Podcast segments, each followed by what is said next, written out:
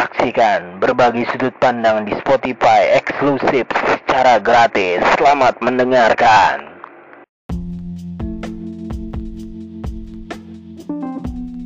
Hai, selamat datang semuanya. Selamat datang. Kali ini udah di episode kelima nih, berbagi sudut pandang. Kali ini gue punya narasumber nih, namanya Nanda nih, dia orang jauh. Coba perkenalkan diri lu, men. Halo, halo guys, enjoy aman, oke. Oh, housekeeping. Asik. Perkenalkan guys, nama gua Ahmad Nanda.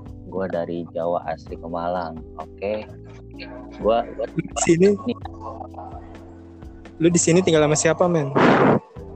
gua di sini tinggalnya sebenarnya sendiri, bre. Cuman orang tuh gua di Jakarta. Gua tinggalnya sekarang di Pamulang. Kos doang sih sendirian. Terus ketika lu mulai ke sini dari dari kampung itu lu bener-bener sendirian gitu. Kalau dari kampung gue dulu sendirian. Ah enggak, gua, gua orang tua gue udah di Jakarta dari dulu. Gue ke sini tahun 2018 kalau nggak salah.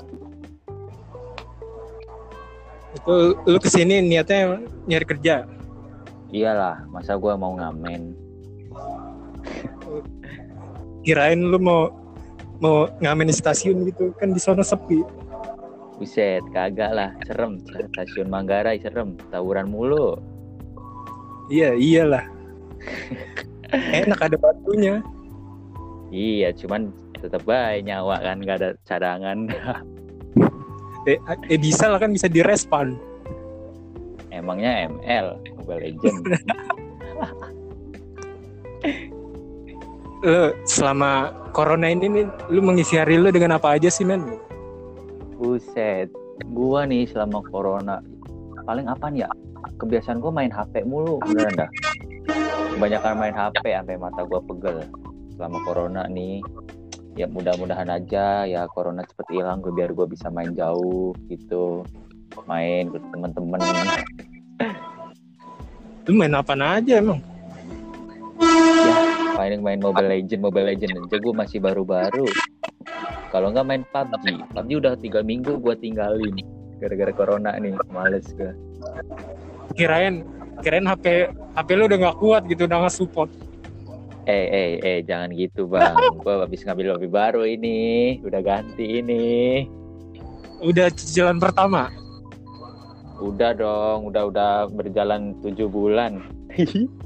Dua bulan lagi lahiran, kelar. Terus terus progres lu kerja di Jakarta lu merasa ada perkembangan nggak? Ada dong, ada. Yang Apa? tadinya gua nggak, yang yang penting tuh, yang tadinya gua nggak tahu jadi tahu. Tapi sebelum ah sebelum gua kerja di cleaning service, gua dulu pernah dulu juga nih berangkat ke Kalimantan. Bener-bener modal nekat, beneran dah. Iya.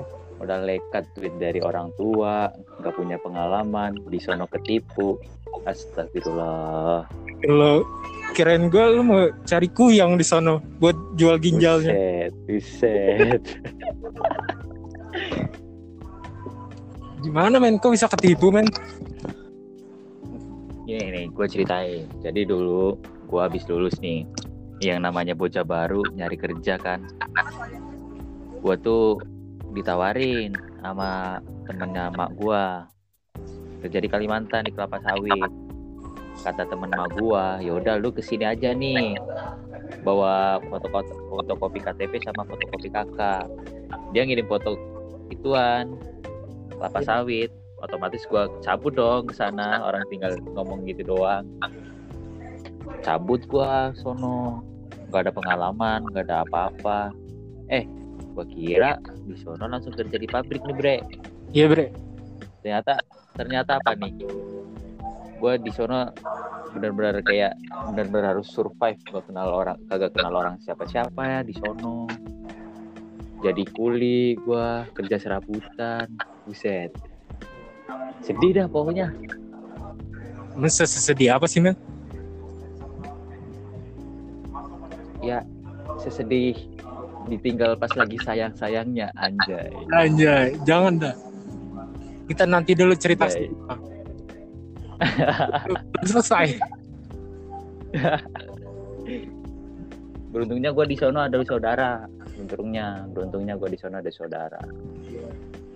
Dan di sono kebanyakan orang Jawa sih tahu gue orang Jawa sama orang NTT di sono kenapa ya orang Jawa itu berani buat main? Hmm, nah jadi gini. Kalau pertanyaannya kenapa orang Jawa itu berani ya nih? Kalau prinsip orang Jawa saya udah terjun ke situ ya saya harus berjuang gitu. Berani mati ibaratnya itu berani mati gitu loh tapi masih mending orang Jawa sih daripada orang Padang kalau orang Padang tuh gak bakal pulang sebelum sukses kan Iya, kalau orang Padang gitu. Cuman kalau orang Jawa, kalau udah terjun di suatu tempat, berani mati sudah. Gitu. Nah tapi nih kalau udah di lingkungan kerja nih, kalau udah orang Jawa tuh pasti nepotisme men, Kenapa? nepotisme. Anjir. Gak semua orang Jawa loh, gak semua orang Jawa. Gue termasuknya enggak. Tapi Hmm? terus lu gimana bisa pulang dari sana gitu ceritanya? Nah, gue pulang ke dari sono ya. Kalau pulang dari sono, ah jadi ada dua ini bre. Iya. Eh, gue tuh kayak dulu waktu ke sono bimbang mau cuman sebulan doang gitu. Kayak Iya. bahan percobaan doang gue kuat enggak gitu di sono. Tapi sudah eh, mendapatkan beberapa pertimbangan karena gue juga dulu sama orang tua ya duit dari orang tua akhirnya gue di bul- dua bulan tuh di sana gak jadi sebulan doang. Gue nyari duit dulu. Iya. dari sono buat keluar dari sono akhirnya dapet tuh gua duit Dulu gitu. tidak di sono Ongkos pulangnya itu lu naik kapan? Berapa harganya? Eh, gua ambil satu juta lima puluh ribu dari sono kalau kos pulang soalnya dari kota Balikpapan nih kalau masuk ke perutannya itu bisa sampai seharian Oh, dari kota sampai ke pedalaman lu bayangin dah dari kota kayak masuk ke pedalaman dari jalannya yang bagus banget sampai tanah-tanah. Anjay parah itu mah terus harian bisa kenapa bisa kepikiran ke sana gitu loh?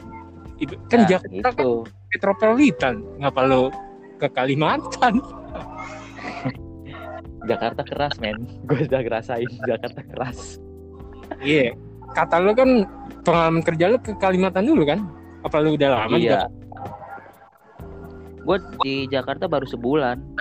Baru sebulan gue 2018 lulus ke Jakarta nih. Sebulan. Setelah sebulan gue baru ke Kalimantan. Lu di Solo cuma dari kenapa? Lu lulusan tahun berapa? 2018. 2018 gua. Lu, berarti gua 2017 gua. Buset. Lu kakak kelas gua dong berarti. Buset berarti tuan lu ya? iya oh iya. Kagak lah lu lah. Gimana sih lu? Oh. Ini mukanya tuan. anjay. Nih apa nih maksudnya nih? Muka gua boros. Terus men, gimana lu caranya bisa dapat kerja di Jakarta ini? gua dulu keluar dari Kalimantan. Itu nyari-nyari kerja susah men. Gue pernah tuh ngelamar di kalau nggak salah ada tuh salah satu PT nah gue ngelamar tuh jauh-jauh dari Jakarta Selatan ke Jakarta Barat. Eh Jakarta Barat apa Jakarta mana gitu. Jauh dah pokoknya. Gue udah tes interview tuh udah lolos tapi ya bukannya gue nggak mau gaji kecil ya. Udah gaji kecil ijazah asli ditahan men. Makanya gue kagak kagak jadi di situ. Iya, gue nyari nyari tuh lagi tuh dari situ. Nyari ke Alfamaret ke mana gitu. Kagak terima.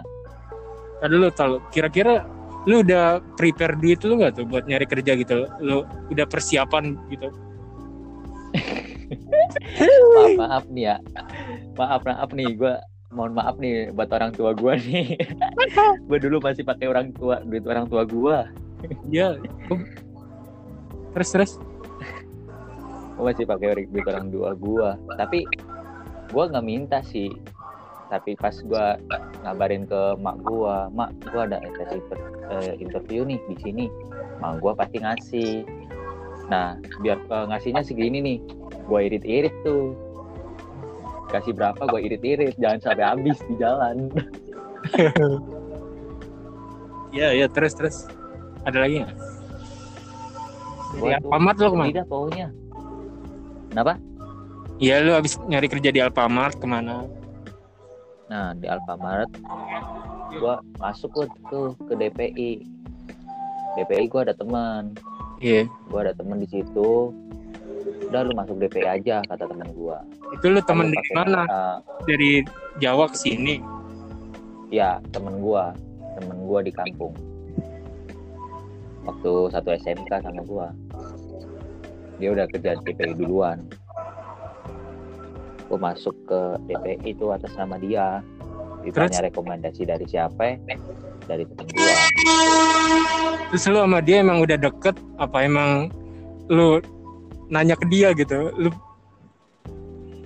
Eh, dia udah deket sih sama gue bre. Dari kelas 1 kelas 1 SMK itu udah deket sama gue cuman pas kelas 2 kelas 3 gue ada tongkrongan ja- eh, beda. Dia juga ada tongkrongan akhirnya jarang inian. Cuman tetap masih tetap care karena kita satu hobi PS-an gitu.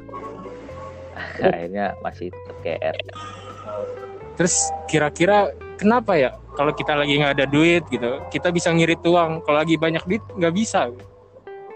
Nah itu bre. Salah satunya hawa nafsu. Emang awan nafsu nih Salah. urusan selangkangan. Eh yang namanya hawa nafsu itu bukan urusan selangkangan doang nih. Astagfirullah. Gila gila. Astagfirullah. Kadang yang namanya nafsu kan, gua aja kemarin sempat eh, ini bre, Eh, hampir kegabah gara-gara nafsu itu tuh. apa bre Gua ada sisa duit segini, nah gua kagak mikirin nih ada cicilan handphone. Anjay, gua langsung mau beli HP, eh bukan HP, langsung mau beli helm baru. Untung gua mikir-mikir ada cicilan. Coba kalau gua kagak mikir-mikir ke situ ya gue bingung buat bayar HP. jangan-jangan helm yang 600 ribu nih Woi shit, di atasnya dong. anjir Injay, makanya gue gara-gara terbawa nafsu tuh hampir terjerumus. Jay, kalau helm lu bisa beli cash itu motor lu dari kampung bukan itu motor baba gua.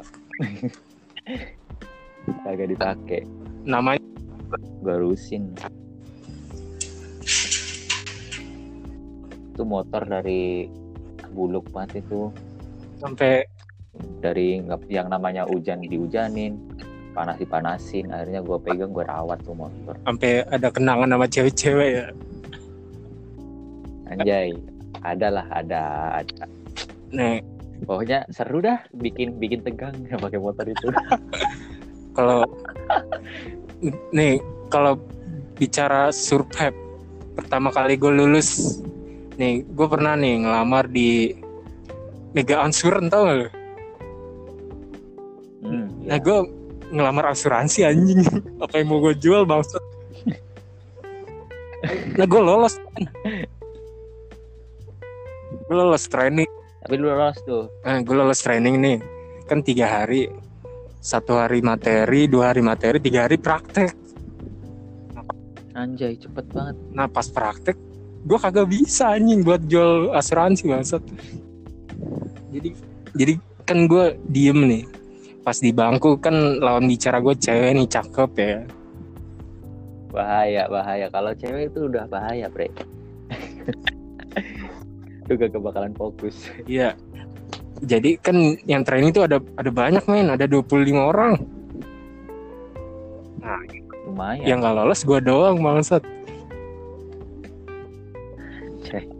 Ini nggak lolos nih kan karena yang trainernya bilang maaf ya buat kamu nggak lolos gitu. Anjing sedih banget yang penting jago ngomong kalau ini mah asuransi. Iya. karena itu berhubungannya sama duit orang juga bre. Lu kudu bisa tanggung jawab sama omongan lu? Biarpun jago ngomong nih. Kan training tiga hari tuh. Sama kayak lu sih gue gak punya tabungan gue minta duit orang tua juga. Nah nah pas pulang-pulang gue sedih men. Gue milik orang tua gue ya kan. Orang tua gue juga nyeletus juga sih. Dan gue minta ongkos sama dia kagak lolos kan katanya buang-buang duit doang iya sedih. Gua gua gua juga pernah gitu gua. Pernah lu? Pernah waktu ya gua nggak ini sih. Cuman ya itu yang di Kalimantan itu men. Gua kayak berasa kecewain banget. Anjir dua bulan doang di sono. Ngabisin lim, eh, di total total 5 juta Anjing, lebih ya buat ongkos berangkat gede banget anjing. Iya apalagi buat balik. Balik satu juta lima puluh itu lumayan kan? Anjir. Anjing lu. Jakarta aja men biarpun keras. Apa Nah dari situ tuh gue belajar yang namanya ah, ngehargain duit-duit kecil, ngehargain hal-hal kecil. kalau soal itu lu udah mikirin finansial lu belum sih? Boro-boro, boro belum. finansial keuangan belum, itu men belum kayak nabung gitu. apa lu baru mulai gitu? Kayak itu kan ada bank lu bisa nabung Nah itu gue boro-boro, belum ke situ. Gue eh, mikirin finansial itu pas udah kerja di DPI itu. Gue tadinya juga nggak mikirin finansial tuh, nggak mikirin buat nabung. Tapi eh, sekitar bulan Agustus, gue baru tuh ditawarin sama salah satu karyawan dari sini buat nabung daripada duit lu hura-hura buat yang lain kan buat bikin tegang dia lumayan loh dia dapat bonus ter ngajak lu Kagak lah, astagfirullah. Hanya baru tuh gue bikin tabungan, tabungan jangka satu Iya. tahun. Gue mulai tuh Tapi- nabung. obstacle-nya banyak ya halangan rintangan gitu kan Nah itu gue, sempet mikir dua kali tuh, mikir dua kali takutnya eh, apa sih? Gue ke jajak buat jajan, buat yang lain terhalang. Tapi alhamdulillah sampai saat ini enggak sih, masih lancar-lancar aja. kalau soal lu mengatur keuangan lu per hari gimana sih men? Gua ah dulu waktu gua masih di DPI nih gua makan selagunya jajan selagunya. Sehari bisa habis gocap lebih. Tapi semenjak gua kemarin nih bulan November ngambil handphone baru tuh sehari gua budget tiga puluh ribu makan pagi apa makan siang malam bodo amat malam minum doang malam paling di bawah tidur doang anjing Iya, gue kebanyakan jajan gue seringnya. Gue udah bisa manage tuh. Gue kalau misal dari pertama kerja di DPI gue udah bisa manage sehari tiga puluh ribu. Wih, gue udah nabung lebih dari yang gue tabung sekarang. Gue udah pernah ngajak lu belum sih? Udah pernah ngasih tahu lu belum sih soal finansial keuangan? Pernah kan ya? pernah lo yang lu bikin catatan-catatan tapi gue masih Masih belum. inian gue masih gak ngehiraukan cuman tanya-tanya doang gue Lu pasti nanya, dilakuin kagak lu pasti nanya gitu buat apa gitu ya? Nggak penting ya kan? Iya, iya. Tapi akhirnya gue sadar sih itu itu perlu eh, hitung-hitungan kayak gitu tuh perlu. Tapi gue gua salut juga Apa? tuh sama lu tuh masih bisa masih bisa apa ya eh, masih bisa bertahan lah sama hitung-hitungan kayak gitu sehari berapa pengeluaran berapa gitu. Gue kagak bisa berenda sampai detik ini gue kagak bisa. Jadi lu mulai mulai per hari ini aja men. Udah lu hitung aja per harian lu. Selama covid gue pengeluaran apa doang sih? Paling uh, ceban dua puluh ribu kan dapat sadar iya. Tapi besok senin udah nggak ada bre. Ah berarti balik normal dong jam 8 Iya sama iya. aja dong kereta jam 8 iya. Besok senin udah mulai normal gue juga nggak dapat makan daki dari sini. Iya. men lu lu nggak ngerokok ya? Kagak gue kagak ngerokok dong. Gue pengen rokok kayak bocah-bocah tapi emang da dari dasar diri gue dari kecil nggak suka itu nggak bisa. Sama sih gue sebenarnya nggak ngerokok men. Tapi masalah cewek men biasa. Asik. Ulang biasan ke situ ada ya? apa nih? Ya. gue biasanya masang headset men tapi karena gue sering beli headset sering rusak sering mati sebelah kayak malas gue beli lagi ini anjay. Gue headset satu aja awet ini. Apaan gue make headset asal tarik gue jadi cepet rusak. Nggak, gue sekarang udah gak galau-galau lagi masalah cewek karena gue gak punya cewek kalau ditanya progres lo lima tahun ke depan di Jakarta apa men?